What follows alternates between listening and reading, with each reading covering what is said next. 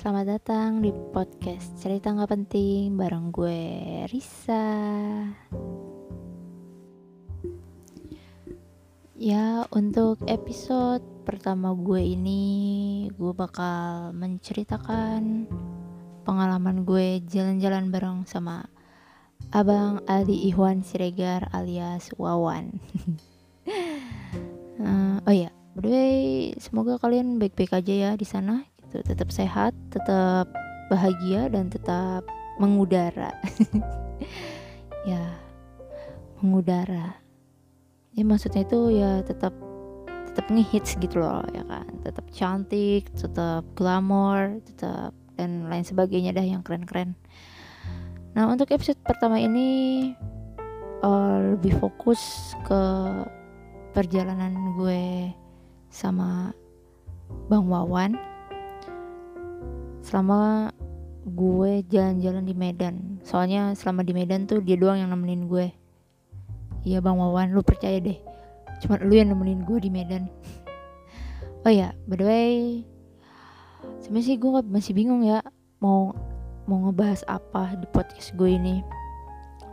Ya kan maksudnya temanya apa gitu. Ya makanya gue bilangnya cerita nggak penting kayak gitu. Soalnya emang gue pasti cerita cerita hal-hal yang random yang pernah gue lewatin selama gue hidup ini selama 25 tahun gue hidup. Oke jadi untuk episode-episode selanjutnya juga gue pasti postingnya eh posting. Aduh kayak main apa tahu? Ya kan pasti gue uh, bikin podcast yang random juga sih pasti gitu. Pokoknya tungguin aja deh episode-episode selanjutnya. Oke sekarang kita balik ke topik jadi gini guys. Gue jelasin dulu nih. Yuk Ali Iwan Siregar itu siapa? Alias Bang Wawan. Jadi dia ini teman gue kan. Nah kebetulan dia sempat tinggal di Depok. Ya Depok. Jadi kru film gitu deh. Ya kan? Nah sampai tuh dia sih cerita sama gue waktu itu bokapnya sakit makanya dia pulang lagi ke Medan. Hmm. nah, sekarang dari cerita gue jadi tuh uh, gue sebenarnya nggak tertarik tarik banget sama jalan-jalan di Medan ini. Sampai suatu hari tuh gue ke Medan gitu. Sebelumnya tuh gue gue sebenarnya orang asli Sumatera Utara ya. Cuman gue di lahir di Sipirok ya. Gue lahir di Sipirok terus sekitar umur 3 tahun atau 2 tahun gitu keluarga gue ini ngerantau ke Jakarta. Jadi waktu gue waktu dulu tuh gue tinggal di waktu gue masih kecil pas pindah ke Jakarta gue tinggal di daerah Poncol. Daerah Poncol Jakarta Selatan tuh dekat Abu Serin. Terus kelas 6 SD eh kelas 4 SD gue pindah ke Muncul. Muncul itu di Tangerang ya Tangerang Selatan nama daerahnya itu Buaran Alang-Alang. Lo kalau ke Buaran Alang-Alang men itu tuh kayak Las Vegasnya Tangerang Selatan mungkin ya. Segala jenis hal-hal yang dilarang oleh agama ada di semua di situ. Pokoknya itu negara paling eh negara. Pokoknya itu kawasan paling Vegas banget deh ya kan.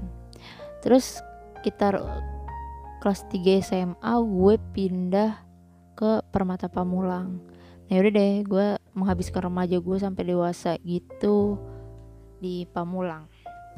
Ya jadi sekitar berapa lama ya gue tinggal di Jabodetabek? Uh, mungkin kalau dihitung ada sampai sekarang itu sekitar 20 23 tahun. Ya dan gue terakhir pulang kampung ke Spirok itu umur 9 tahun waktu gue kelas 3 SD ya kan? Nah karena gue udah terlalu lama tinggal di Jakarta eh, maksudnya di Jabodetabek. Jadi gue nggak ngerasa nggak perlu-perlu banget pulang kampung gitu ya. Ya udahlah gue nyaman di sini kan gitu. Gue ngapain pulang kampung gitu ya. Ya pengen liat nenek sih cuman ya itu kan di ya apa ya? Ya jahat sih nih ya gue ya. Ya bisa lah kita nelfon nenek kita ya kan padahal tuh bokap gue tuh setiap tahun pulang kampung tapi gue enggak ya. Ya udah tuh sampai akhirnya waktu gue udah kerja nih sekitar dua tahun yang lalu mungkin gue disuruh dari tempat kerja gue itu untuk stok opnam ke Medan.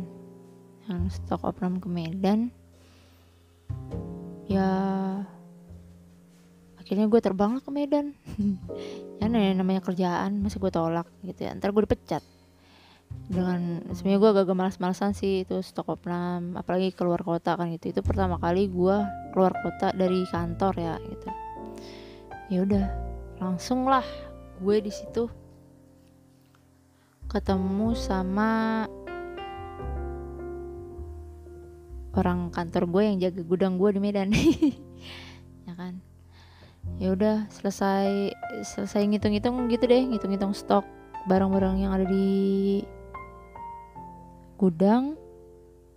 Tibalah saatnya makan siang. Nah saat makan siang itu gue ketemu sama oh ya tunggu.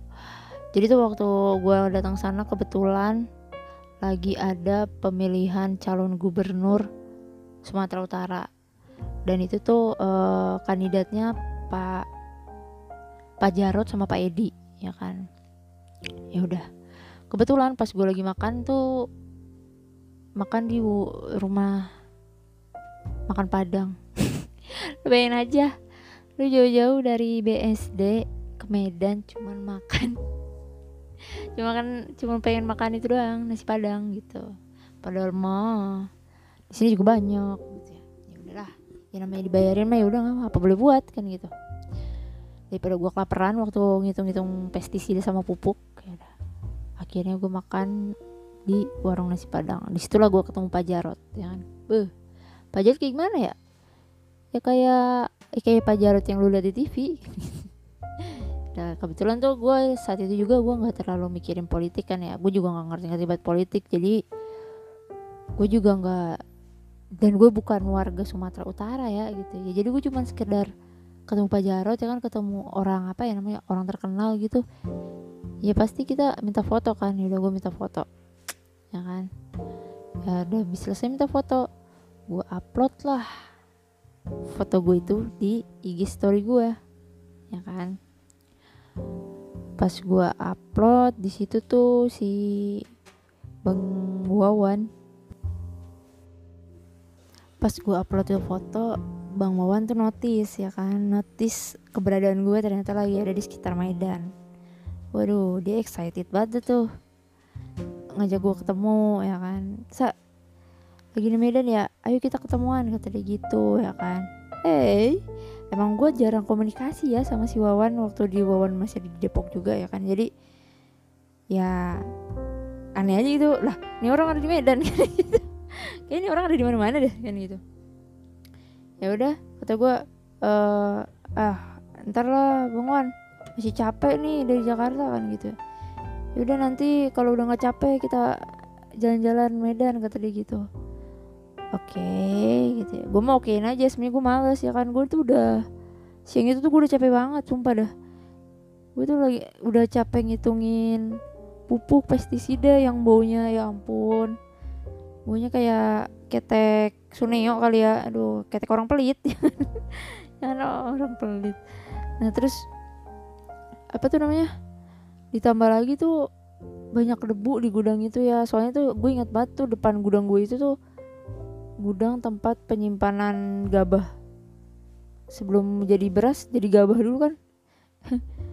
Aduh gue jadi mikir nih. Kalian aja depannya uh, pestisida terus pestisida gudang pestisida sama gudang eh gudang penyimpanan beras tuh depan-depanan. Bahaya gak sih? Nah ya udah tuh akhirnya sore pun tiba ya kan si Wawan masih tetap tuh. Tapi bisa mau masih mau ngajak gue ketemuan padahal gue tuh udah aduh gue rasanya pengen udah rebahan aja dah di hotel ya kan. Sampai tuh pada akhirnya makan malam ya kan kita makan malam di luar tuh gue lupa dah gue makan malam di mana waktu itu sama si Pamunte dan Pak Rio ya kan? Habis dari makan malam itu kita mampir ya. Kayaknya tuh orang kalau ke Medan tapi nggak ke Ucok Durian itu tuh rasanya kurang afdol gitu ya. Ya udah gue ke Ucok Durian lah ya kan? Waktu gue lagi makan duren yang banyak itu dan enak banget ya Allah. I love duren gitu. Nah si Wawan tuh masih kentang-kentung aja nih uh, ngechat gue ya kan mau ketemuan gak mau ketemuan gak kan gitu. Kan daripada dia bawel yaudah yaudah ketemuan kan gitu. Yaudah ketemuan tuh gue sama dia. Di ucok durian ya kan ucok durian I love you kan gitu. And, terus gue izin lah sama kedua bapak-bapak gudang itu ya kan. Pak saya uh, mau main sebentar ya gitu ya mau ketemu teman nih di Medan gitu. Oh awalnya dibolehin sama mereka. Nggak usah lah nggak usah lah Bu Risa. Langsung ke hotel aja tidur. Gak apa-apa kok cuma sebentar kan gitu. Emang udah kenal lama sama temennya? Padahal gue kenal Wawan juga bentar.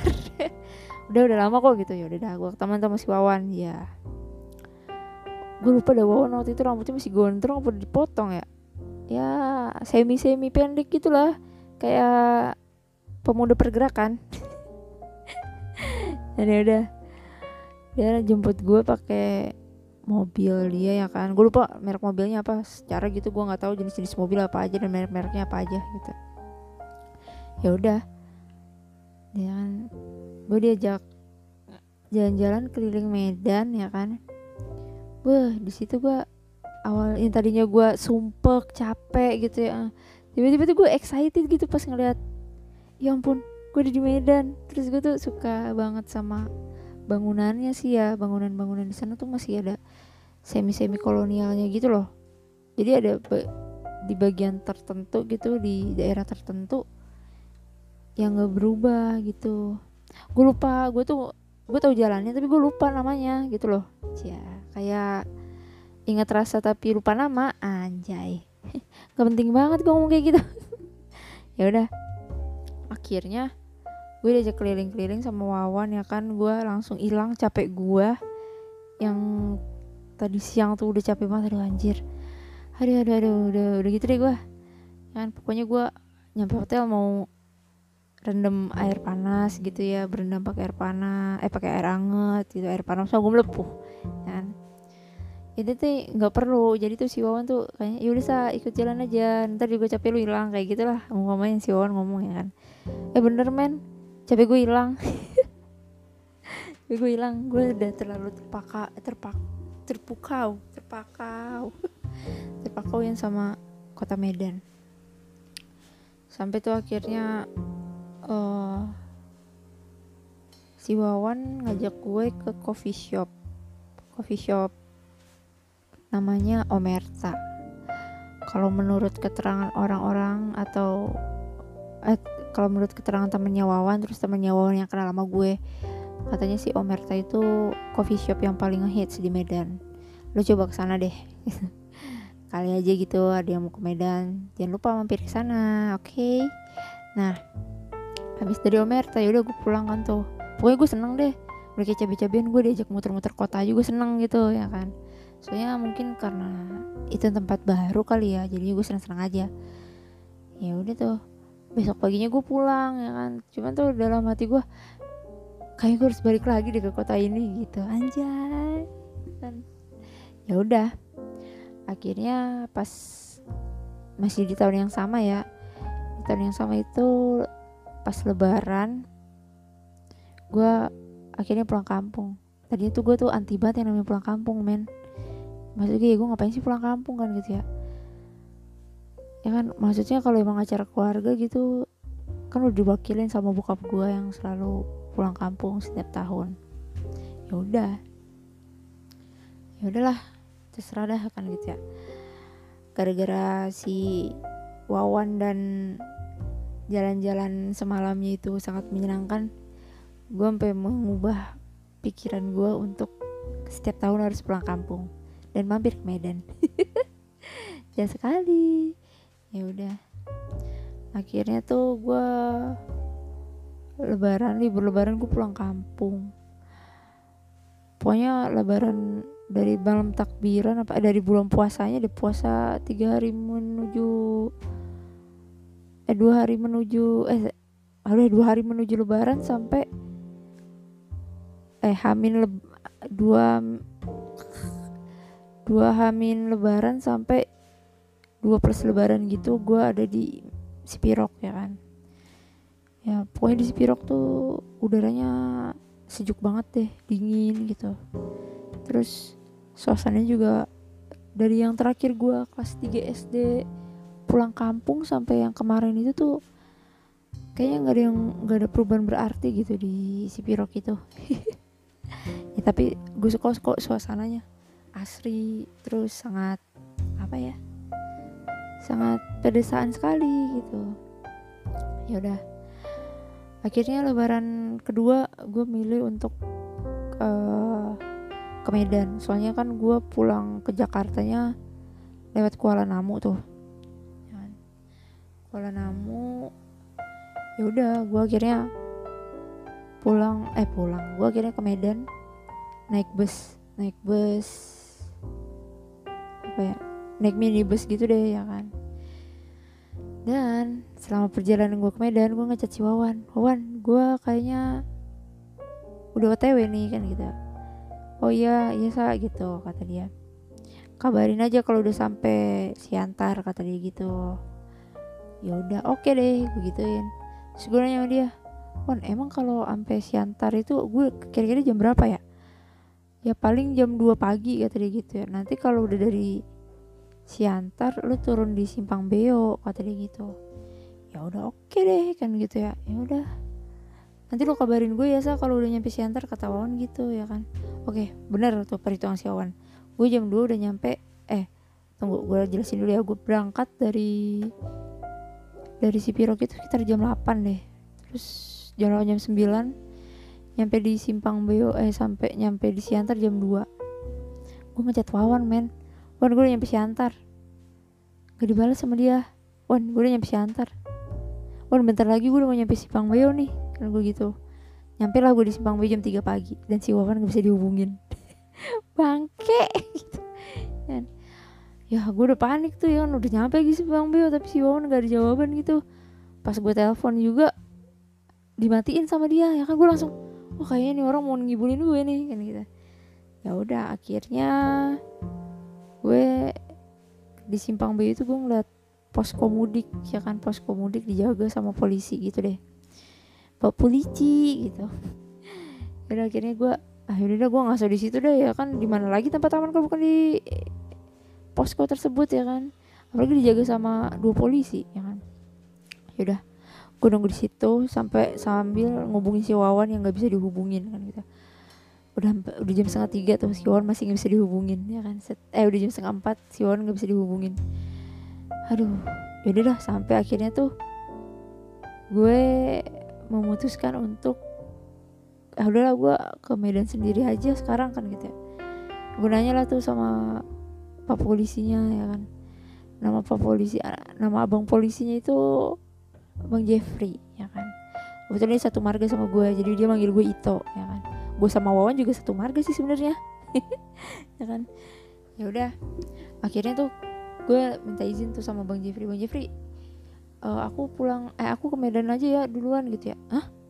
dia dia dia, dia kaget tuh. Jam segini ke Medan kata dia gitu. Iya gitu. Udah tahu belum mau ketemu siapa? Ya gue bilang aja. Sebenarnya sih ketemu sama teman yang bakalan ketemu di sini cuman dia dihubungin gak gak diangkat angkat kan gitu ya. Ih terus nanti di Medan sama siapa ketemunya? Kata si Bang Jeffrey gitu. Ya paling langsung ke hotel sendirian. Eh jangan kata Bang Jeffrey gitu ya kan. Kenapa Bang? Gue nanya. Ya umpama kata mah kalau misalnya itu nyampe terminal nanti itu tuh orang Medan kalau bisa makan orang ya makan orang dia kan gitu. Hmm, kan gue langsung takut ya. Ya biasa aja sih sebenarnya. Cuman ya udahlah daripada terjadi hal yang enggak enggak gue memilih untuk ngikutin kata bang Jeffrey. Kata bang Jeffrey yaudah itu nunggu nunggu matahari terbit aja ya matahari terbit gitu ya. Tunggu matahari terbit aja baru itu pulang eh baru itu ke Medan gitu. Kalau jam-jam segini masih rawan kata dia gitu. Yaudah gue gue ikutin aja deh gitu ya. Gue nunggu di pos posko mudik itu ya kan ngantuk-ngantuk gimana gitu dah. Gue mungkin untung isinya cuman orang yang lagi istirahat mudik mungkin tiga orang sama polisi kali ya gitu ya. Itu juga tiga orang keluarga kecil gitu deh gitu ya. Jadi gue tidur mangap nggak ada yang liatin bodo amat. Ya kan gue udah capek banget sih wan-wan nggak nyampe ya kan sampai jam 6 pagi ya kan? Udah gue langsung cabut aja dah nih gitu ya. Terus tapi si bang Jeffrey udah nanti aja dulu perginya sarapan dulu aja kata dia. Ya udah tuh gue di nggak sih gue nggak sempet sarapan gitu ya. Gue udahlah gue sarapan di Medan aja gue tahan-tahan. Kebetulan gue masih ada roti tuh di tas gue sekali lagi gue ngomongin si Wawan ya kan. Baru diangkat men jam 6 pagi dia baru ngangkat telepon gue. Dia langsung sama Afsa kan gitu ya. Ketiduran aku tadi malam kan gitu. Kan maksud gue tega banget sih lo sama gue. Ada gue nunggu tiga jam udah kayak kuntilanak gitu ya. Ya udah. Gue sih udah di situ sih udah hilang udah nggak sebel lagi masih Wawan ya kan? Gue udah udah pengen ah udah ayo. Gue udah terlalu semangat nih pengen jalan-jalan di Medan kayak gitu loh. Ya. sampai akhirnya si Wawan datang itu jam setengah tujuh. Ya kan jadi dia minta maaf dulu sama gue maaf biasa ini ini ini. Ya udahlah gampang lah itu gue ke toilet dulu dah gitu ya. Gue ke toilet tuh buang air dulu. Nah sepanjang gue lagi pas buang air tuh ternyata si Wawan tuh lagi diceramain sama bang Jeffrey. Kayak tanya bang ya gitu dah pokoknya. Jangan jangan gitu dia kan cewek gitu gitu dah pokoknya. Ya daripada si Wawan dikeramasin habis gue langsung ya bang Jeffrey makasih bang Jeffrey kan gitu ya. Oh, oh ya itu kata dia gitu. Nanti kapan-kapan main lagi lah ke sini kata dia. Ya iya iya iya bang Jeffrey kan gitu. Ya udah tuh gue pergi lah sama si Wawan. Si Wawan tuh kebetulan waktu itu dia jemput gue pakai Vespa ya kan sebagai anak yang nggak pernah keluar rumah yang jarang bergaul ya. Jadi itu menurut gue ya ampun gue jalan-jalan naik Vespa keren banget ya gitu ya. Hmm awalnya doang keren nih ya kan. Ya udah tuh. Wan kita mau ke mana? Langsung ke Medan nih kan gue nanya gitu ya. Ya kau maunya ke mana saat gitu ya. Kita ke pematang siantar dulu yuk kan gitu. Ngapain? kata dia gitu. Jalan-jalan aja gue kan juga pernah tinggal di sana gitu. Ya udah tuh. Kayak kayak nostalgia gitu loh ya kan. Ya jadi tuh siantar itu kampungnya mak gue ya kan. Jalan-jalan lah gue sambil nyari sarapan. Sarapannya itu kita pengen sarapan nasi gurih. Pas gue ngeliat ya di sepanjang siang perjalanan tuh ya banyak banget men yang jual daging babi ya kan. Karena gue orangnya eh karena gue anak rumahan dan apa ya gue jarang keluar rumah lagi tuh ya. Gue ngeliat hal kayak gitu tuh wah ada pala babi kayak gitu ya.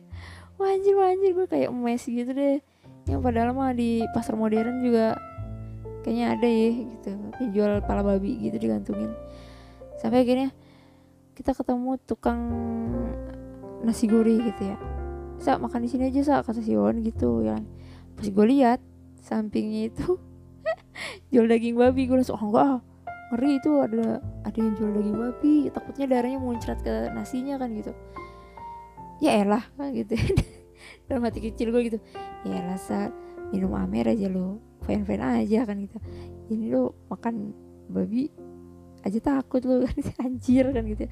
kan sama-sama haram gitu ya ya tuh akhirnya muter-muter lagi deh tuh muter-muter siantar ya kan. Sampai akhirnya tuh tibalah di pajak koras tuh. Kita kayaknya gue udah ngiterin sama Wawan tuh pajak koras itu sampai tiga kali kali ya gitu ya. Nyari sarapan doang. Apalagi kan itu lebaran hari ketiga ya. Jadi tuh warung restoran atau nasi nasi apa ya? Ya pokoknya restoran itu belum belum banyak yang buka deh ya kan? Oke okay. pada ujungnya gue dan Wawan makan apa tahu? Makan KFC jauh-jauh dari Jakarta ya kan? Ke Medan malah makan KFC gue rasanya di situ mau ya elah bang gitu deh.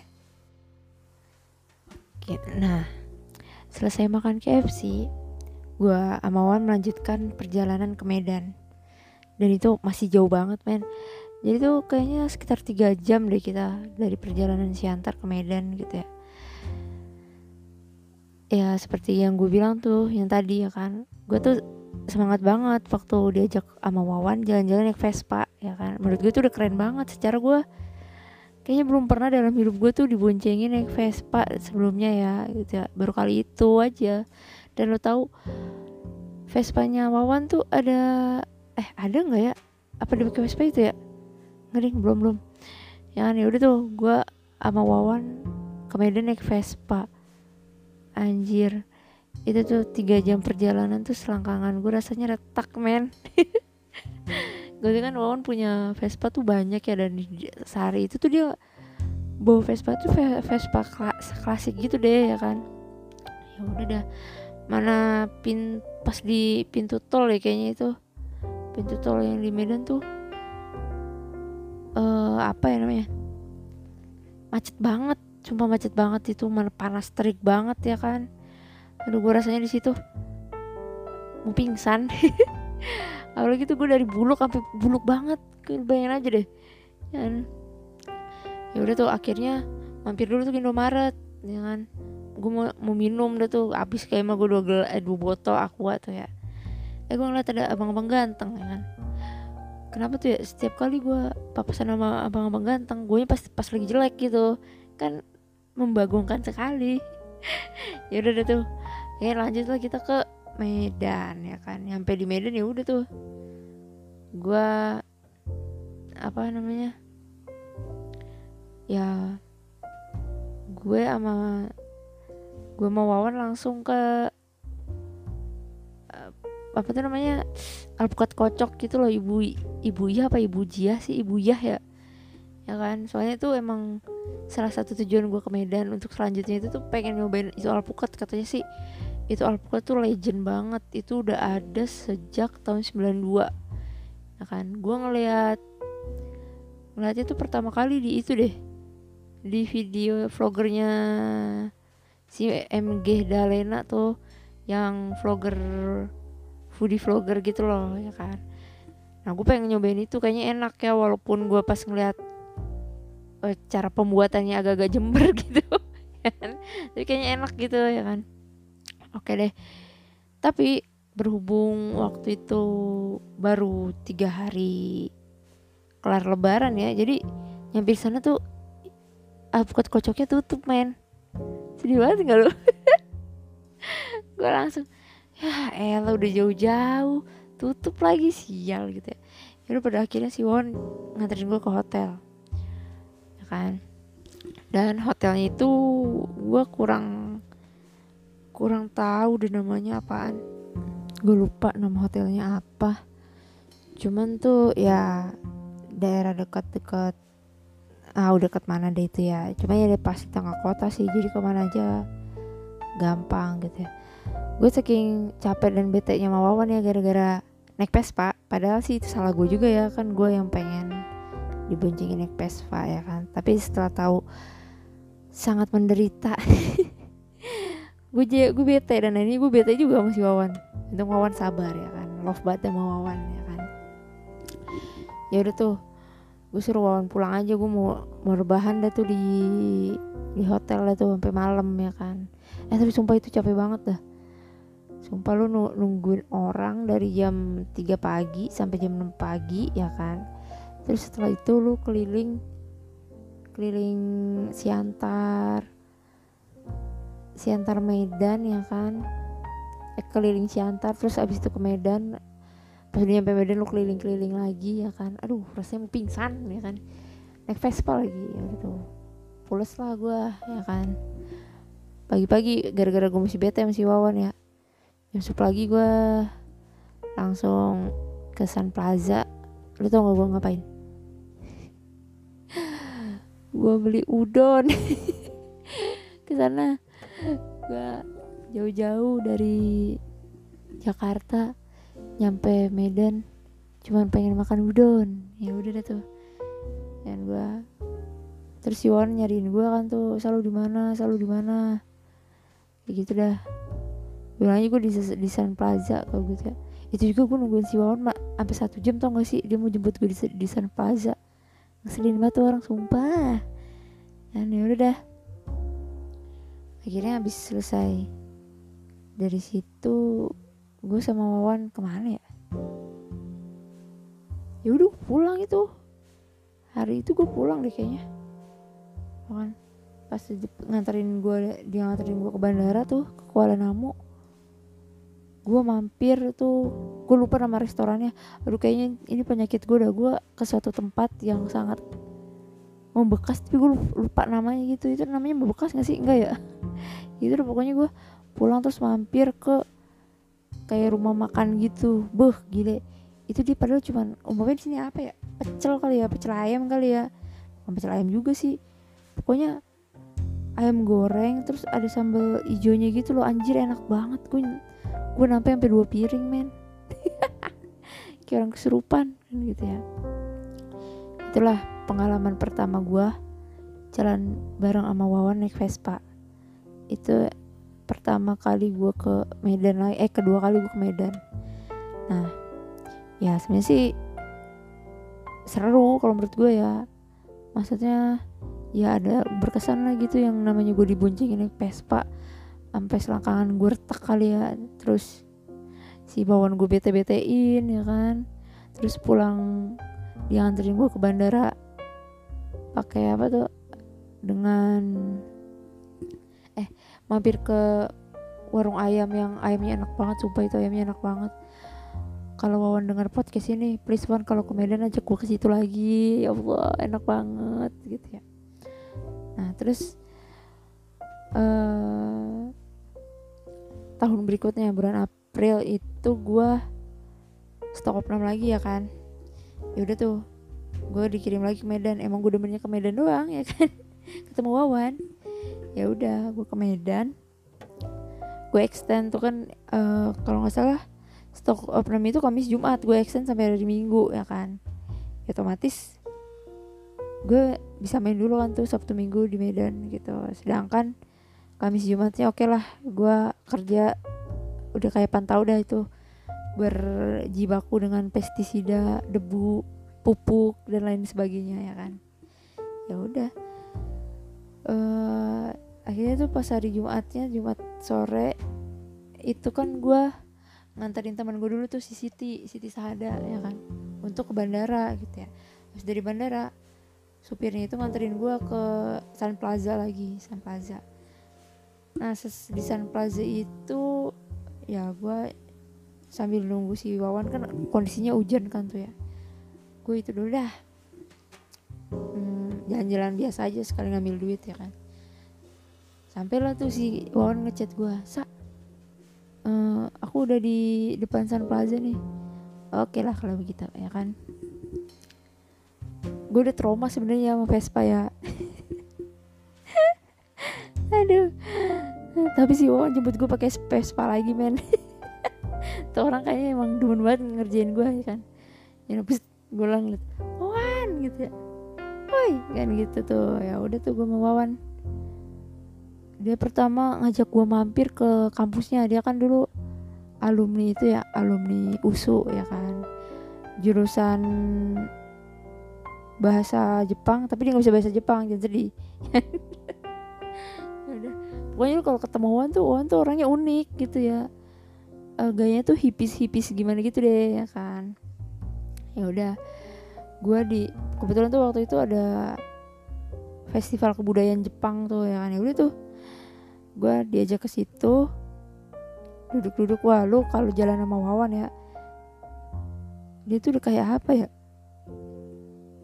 Satu kota tuh kenal gitu sama dia ya kan? Apa apa itu?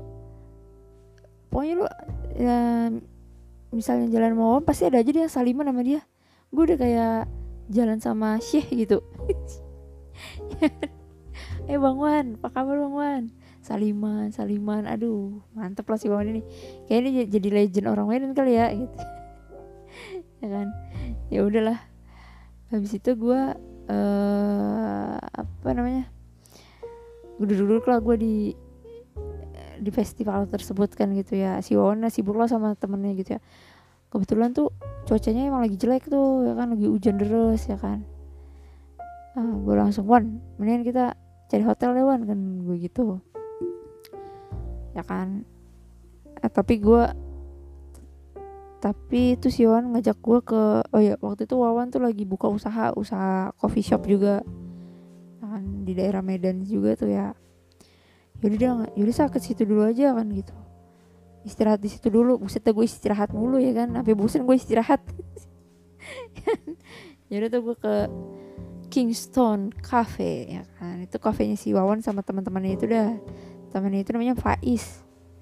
Sama satu lagi gue lupa namanya Cik Pine kalau nama IG-nya tapi dipanggilnya Ambon ya kalau nggak salah. Rasis banget ya si Wawan ternyata. Ya udah. Tuh. Di situlah gue ya kan istirahat dulu. Uh, gue sampai bete dah tuh. Sekitar jam 10 baru deh tuh gue sama Wawan keluarnya di hotel.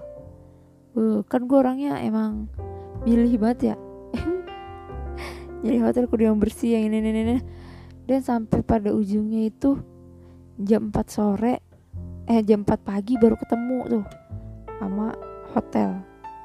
Itu juga hotelnya nggak banget men. Ada kutunya. Yaudah tuh jam 7 pagi gue langsung check out. Ya kan?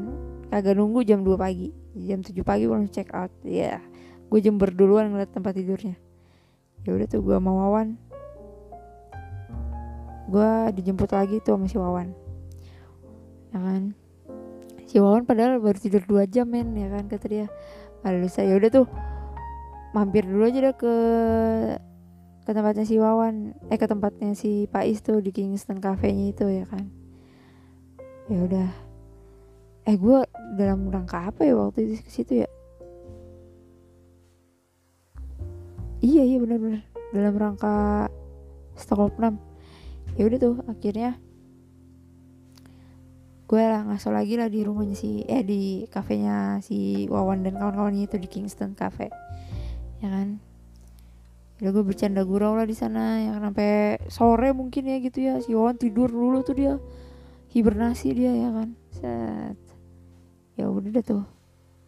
Ah gue ngobrol sama si Pais nih. Kebetulan ini temennya si Wawan orangnya caur-caur juga ya itu kan si Pais lah yang apa ya banyak gaya loh mereka tapi itu lucu. Mereka tuh bener-bener lagi ngebangun cafe itu loh gitu loh.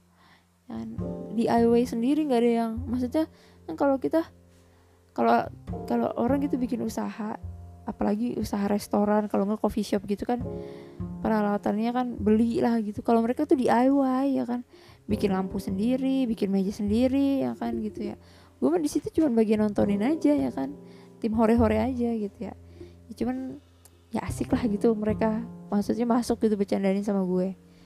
Sampailah jam berapa ya? Jam mungkin jam jam sore ya jam jam 4 pak 4 sore. Akhirnya gue mohon nyari nyari hotel lagi tuh terbaru ya kan? Buh keliling-keliling lagi lah keliling-keliling mana tuh? Uh, Medan ya kan. Sampai tuh maghrib atau jam 5 sore gitu si Wawan ngajak gue mampir lagi ke tongkrongannya dia.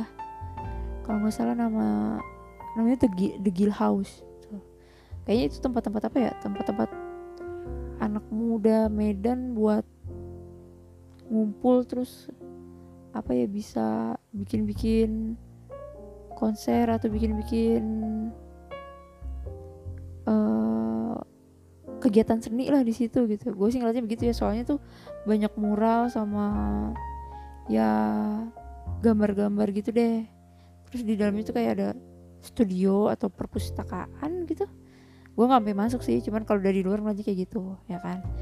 Karena gue minder ngelihat temannya Wawan yang sangat-sangat artsy ini ya. Gue jadi melunduk baik lah gitu ya. Hah, hatu lah. Ya udah tuh. Sampai akhirnya tuh maghrib mungkin ya baru udah si Wawan tuh kelar ngobrol sama teman-temannya ya kan? Gue akhirnya nyari hotel lagi. Dapat hotelnya di ujung berung. Ya kan? Jauh banget dari tempatnya Pais ya udah. Nyawa itu hotel terus apa namanya? Gue narotas berangkat lagi sama si Wawan untuk ke tempatnya Pais lagi. Dari ujung ke ujung dah ngomongnya gitu ya kan. Umpamanya tuh jarak hotel gue sama tempatnya si Pais itu Kingston Cafe itu dari Pamulang eh dari Unpam yang di kecamatan sampai ke muncul lah gitu eh dari Ciputat ke muncul dah. Jaraknya kan lumayan jauh ya. Ya kan ya udah tuh. Akhirnya gitu deh gue malam itu gue nongkrong bentar ke tempatnya si Pais ya kan Kingston Cafe. Yang bercanda-canda lah. Nah, terus ketemu ceweknya Pais cakep banget bening bener sumpah dah. Pais pinter banget milih cewek gitu. Tapi kayaknya sih udah putus nih sekarang. Ya siapa juga yang peduli ya kan aduh. Ya udah akhirnya tuh pas jam 11 mungkin ya jam 11 jam 11 malam tuh gue diantarin lagi sama si Wawan ke hotel ya kan. Ya udah tuh gue tidur dah tuh. Gue tidur. Tapi tuh hotelnya tuh agak agak horor sih menurut gue ya suasananya. Soalnya tuh kayak zaman zaman zaman zaman dulu loh ala ala Belanda zaman dulu ya kan terus ada lukisan lukisan Eropa di dalam kamar gua. Lukisan anak kecil yang pakai piyama-piyama orang Eropa zaman dulu gitu loh. Serem gak lu? Ya tapi mau gimana lagi? Ya gue udah capek banget jadi gue tidur dah tuh. Kan? untungnya dari semua hotel yang gue cek tuh cuman di situ doang yang kebersihannya tuh yang yang benar gitu loh. Yang lain-lain mah astagfirullahaladzim dah kan gitu ya yaudah gue tidur pas bangun-bangun ya kan. Namanya gue mau berterima kasih ya masih Pais and the gang gitu ya. Uh, jadi gue berinisiatif untuk beli nasi gurih nih ya kan. Gue naik gojek ke tempatnya si Pais ya kan. Bawa nasi gurih nih. Sih ya kan. Ya udah tuh oh ya bangun woi kan gitu. Belum bangun tuh mereka. Mereka habis begadang tuh kayaknya mereka tidak hari tanpa begadang. Pantesan si Wawan kurus banget badannya ya kan ya udah selesai itu uh, nyampe lah gue ya kan. Gue bangunin tuh bocah-bocah wah makasih ya Karisa gue bawain nasi gurih tuh ke mereka ya kan. Pasti gue mau eh makasih lo lo lu udah welcome sama gue selama gue di Medan kan gitu. Oh ya gue kasih lah nasi gurih. Ya kan. Gue dia mereka sih belum makan kan tuh baru gue doang yang makan. Udah habis nih gue gue udah habis mereka mereka baru makan. Set mereka bertiga makan tuh lahap banget dah. Set set set, set gitu ya. Hmm enak enak juga nih enak kali nih nasi nasi gurihnya. Hmm, ya kan seneng ya. Aduh ternyata gue uh, ternyata gue bisa membahagiakan mereka juga padahal gue udah nyusahin nyusahin mereka gitu ya kan? Ya eh pas itu dia nanya tuh sama gue kak ini belinya sama orang Melayu apa orang Chinese kata si Pais kayak gitu. Emang apa? Kayak gitu ya. Ya mau nanya aja lah. Ya eh, gue nggak nanya emang apa? Gitu kan oh iya tadi yang layanin orang Chinese. Kan gitu. mereka langsung muntah. Gitu. Lah lah lah. Kan gue bingung ya.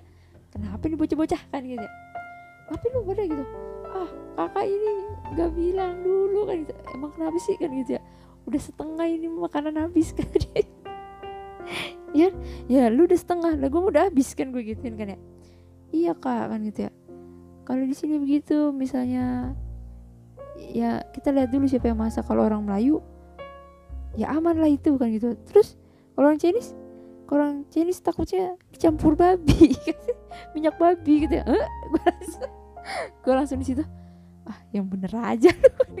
Gue udah habis lagi kan gitu ya ya gimana ya? Kagak tahu. Ya kan udah nyampe perut nih gue kan gitu. Ya iyalah kalau nggak tahu masih bagus. Ya kita ini yang tahu lah ini kan gitu ya. Udah mana baru setengah lagi kan gitu. ya lagi lu nanyanya nanyanya pas belum habis kan gitu kan. Brengsek banget ya kan gitu. Ya udah dah. Di situ gue merasa tidak berguna lagi. Aduh. Ya udah tuh selesai itu drama itu tuh ya kan siangnya si Wawan tuh nganterin gue pulang ya kan ke bandara. Lo tau ke bandaranya pakai apa lagi? Pakai Vespa guys. Coba si Wawan tuh nggak ada kapoknya ngajak gue jalan pakai Vespa ya kan. Kayaknya emang dia seneng gitu ngeliat gue menderita ya kan. Ya udah tuh dari Medan ke Kuala Namu gue naik Vespa sama Wawan. Dan Wawan tuh emang baik banget sih dia ya dia tuh setiap kali nganter gue pulang di bandara tuh dia tuh nunggu gue sampai sampai lepas, lepas landas gitu ya kan? Dia nungguin gue ya kan? Pokoknya dia cowok paling baik dah dalam hidup gue gitu.